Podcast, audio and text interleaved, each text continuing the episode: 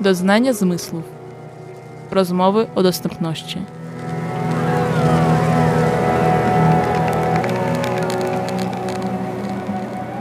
Zapraszam do wysłuchania cyklu rozmów o dostępności w życiu codziennym osób z niepełnosprawnością wzroku.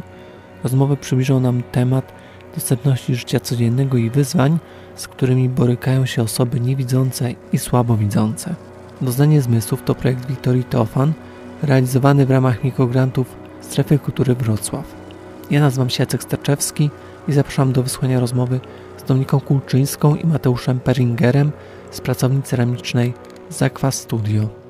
Z Dominiką i Mateuszem rozmawialiśmy o tym, jak wyglądały te zajęcia, w jaki sposób można przygotować pracownię, aby czuły się tam dobrze osoby ze szczególnymi potrzebami.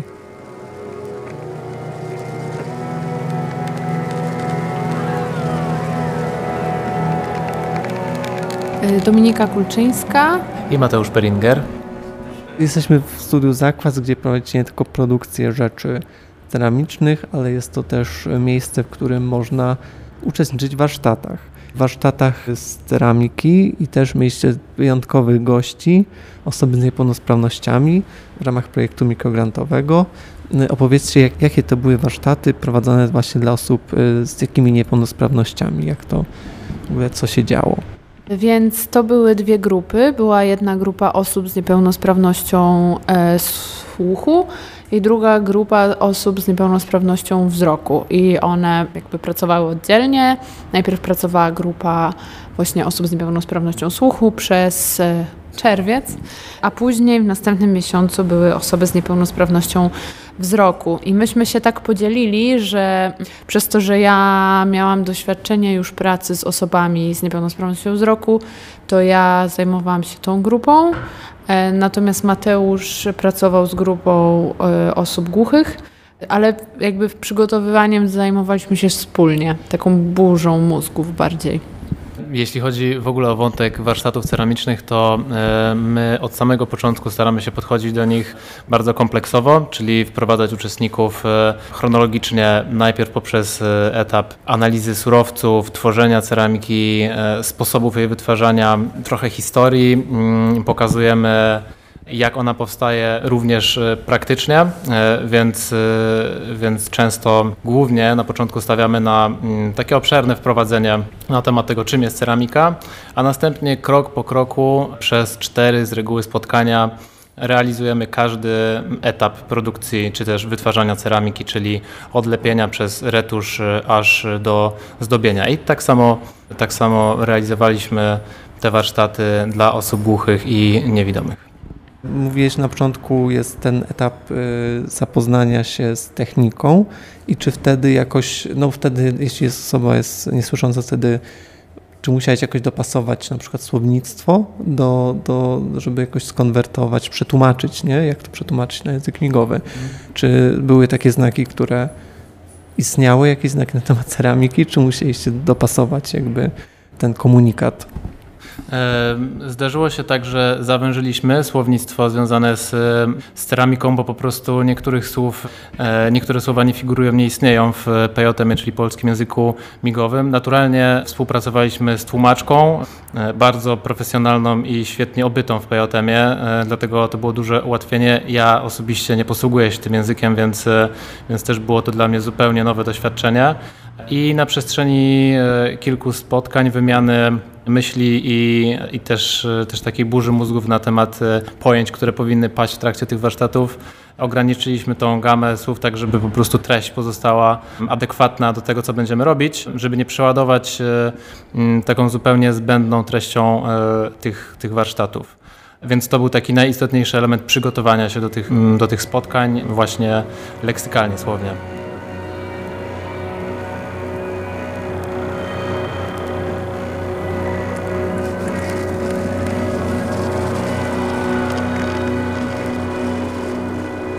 No, no właśnie te warsztaty mocno się różniły od siebie tak naprawdę, no bo wiadomo, że zupełnie na czymś innym się skupiliśmy i właśnie jak robiliśmy na początku taką burzę mózgów, w którą stronę pójść właśnie z jednymi i z drugimi, no to tutaj z osobami z niepełnosprawnością słuchu stwierdziliśmy, że idziemy w różne zdobienia i żeby pokazać właśnie różne techniki zdobień, ceramiki. Natomiast dla osób z niepełnosprawnością wzroku chcieliśmy zrobić ten warsztat, to był taki kurs, żeby oni bardziej mogli dotykowo doświadczyć jej. I pierwsze spotkanie było stricte tylko takim doświadczalnym, dotykowo jakby procesem. Właśnie poznawali kolejne etapy, jakby w jakiej konsystencji jest glina, w jakim stanie skupienia że ona, jak jest wydobyta z ziemi, mieliśmy taką grudkę gliny prosto wydobytej z ziemi, jaka jest wtedy, a jaką konsystencję, jaką strukturę pod palcami ma, jak już jest oczyszczona, jaką ma strukturę, kiedy jest lejna. I jakby mm, te wszystkie takie aspekty jakby takie techniczno-surowcowe poznawaliśmy sensualnie i też ten warsztat dla osób z niepełnosprawnością wzroku różnił się od warsztatu dla osób z niepełnosprawnością słuchu, ponieważ przeszliśmy na mm, tych warsztatach przez wszystkie techniki tworzenia ceramiki, bardziej tak doświadczalnie, że właśnie na pierwszych e, zajęciach po prostu doświadczaliśmy, czym jest ceramika, czym jest glina, jakie ma stany skupienia.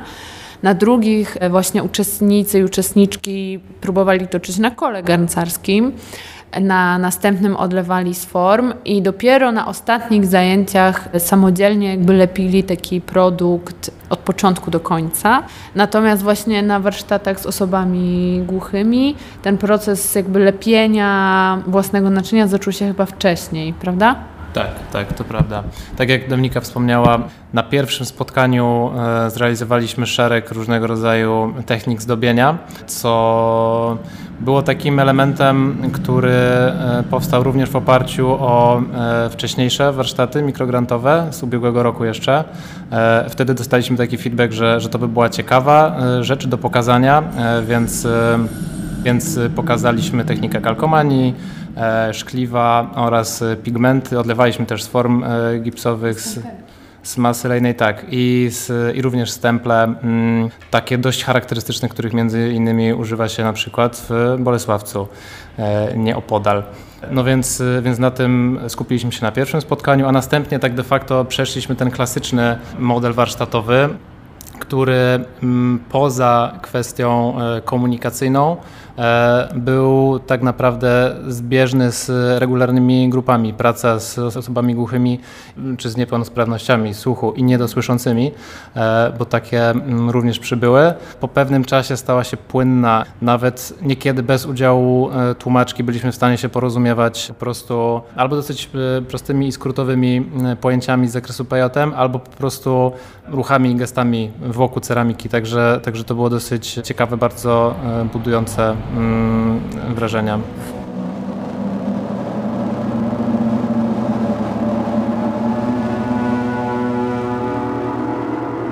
Jakby założenie było takie, że sami projektują, projektują albo bardziej myślą o naczyniu, które odpowiadałoby na ich potrzeby i takie naczynie wykonują na ostatnim spotkaniu. To założenie, żeby to zostało różnie zrozumiane, to założenie odpowiedzenia na własne potrzeby, bo potrzeba estetyczna również jest potrzebą. E, I głównie pod tym kątem naczynia były wykonywane. I jednak bardziej, jakby dla osób z niepełnosprawnością wzroku ceramika jest e, trudniejsza, e, tworzenie naczyń. Jednak ten wzrok do takich rzeczy jak jakby do, do budowania tych naczyń i do, do gładzania, no wiadomo, jest e, przydatny, ale mm, jakby kwestię dotyku nie da się całkowicie tym zastąpić. W sensie da się, ale trzeba ćwiczyć to i nie, jakby nie do końca to za pierwszym razem wychodzi. I dlatego też widziałam, że, że uczestnicy jednak bardziej chcieli po prostu doświadczać i uczyć się i po prostu sobie lepić żeby jakby mieć tą umiejętność może właśnie większą, albo żeby po prostu się w jakiś sposób pobawić. No na pewno, nie wiem, takie rzeczy, które ważne są przy pracy z osobami z niepełnosprawnością wzroku, to na pewno to, żeby układ jakby w naszej pracowni, nasza pracownia nie jest w ogóle tak jakby dostosowana pod kątem dostępnościowym, ponieważ mamy pełno schodów. I no, to jest jakiś dyskomfort. E, oczywiście radziliśmy sobie z tym przy wsparciu asystenta, ale o wiele bardziej tak naprawdę okazało się problematyczne i ważne jest to, żeby układ tej pracowni był zawsze taki sam żeby oni po prostu co tydzień przychodzili i siadali na swoim krześle, że stół stoi tak samo. I zrobiliśmy błąd, bo no, nasza pracownia jest po prostu za mała, ale w momencie, w którym mieliśmy spotkanie z kołem garncarskim, to musieliśmy wszystko przestawić w tej pracowni i ustawić zamiast stołów koła garncarskie. No i to było rzeczywiście takie duże zamieszanie y, i, i trochę dyskomfort, tak mi się wydaje. Ale właśnie ta kwestia tego, żeby wszystko było tak samo, bo wtedy jest wygodnie, każdy wie, gdzie siedzi.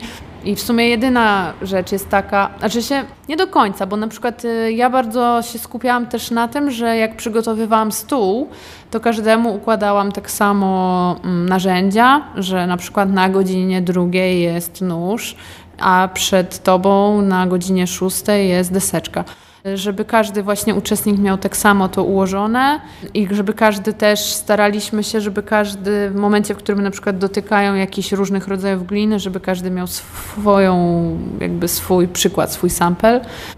I tak naprawdę właśnie w sumie naj, najbardziej takie wyróżniające może od takich regularnych warsztatów to była ta kwestia tej jakby przestrzennego układu, nie? że po prostu trzeba dobrze sobie wszystko przygotować, że na stole musi być porządek, nie może być przypadkowości, chaosu, żeby ta pracownia też była jakby ustawiona, żeby było wiadomo gdzie, co jest. Chociaż uczestnicy i tak świetnie sobie nawet chaosie radzą, bo oczywiście, że się wkradł w czasie warsztatów, ale to też dla nas y, było takie mniej stresujące, nie? Wtedy.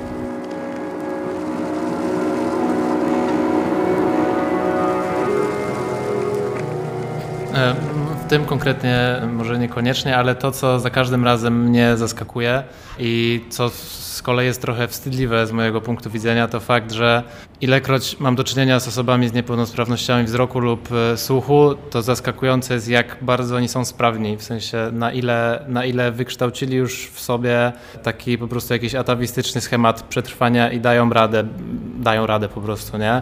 E, miałem kilkakrotnie taką sytuację, w której albo zapominałem jakiegoś gestu prostego, albo tłumaczka miała jakiś problem z przetłumaczeniem czegoś e, i druga osoba odmigiwała, że ona rozumie, że wszystko przeczytała z ruchu ust, nie?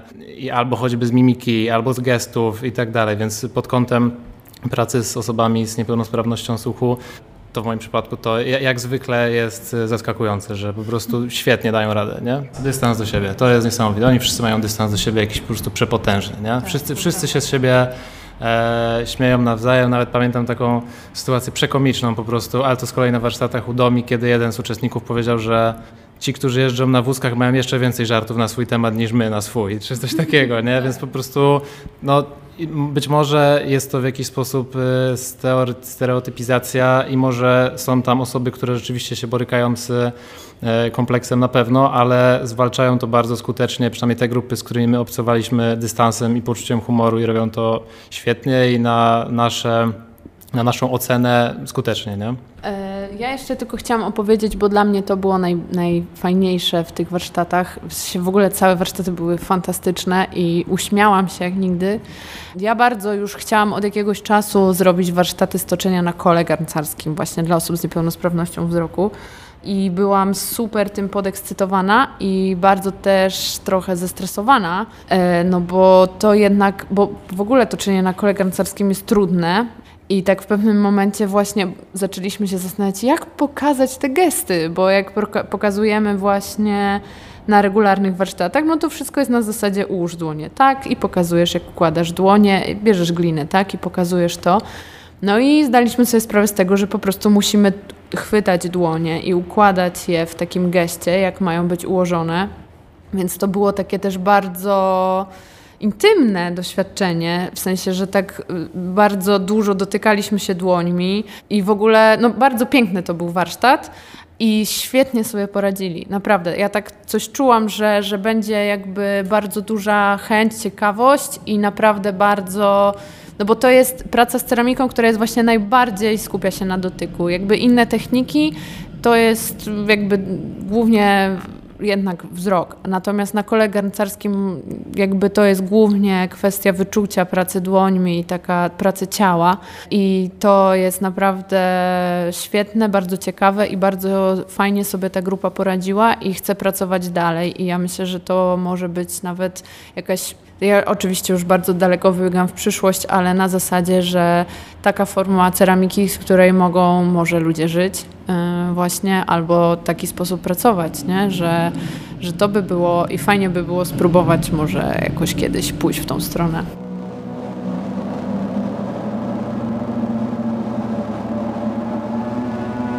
Taka praktyczna jeszcze wskazówka to to, żeby w ogóle się nie bać Dokładnie, mówić, dokładnie, nie? Dokładnie tak. że powiedzieć na, do, zobacz do osoby, z, która nie widzi, pff, to nie jest żaden problem. Ona jakby ona widzi, tylko inaczej.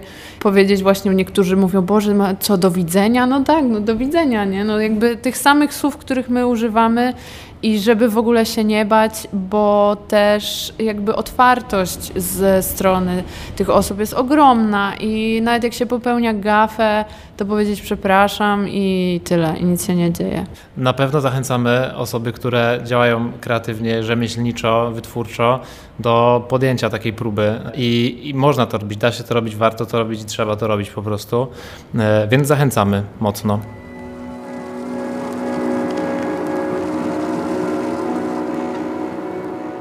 Rozmowy powstały w ramach projektu Doznania Zmysłów, realizowanego w ramach 25. edycji programu Mikrogranty Strefy Kultury Wrocław. Więcej rozmów oraz informacji znaleźć można na stronie projektu na Facebooku oraz Instagramie pod hasłem Doznanie Zmysłów.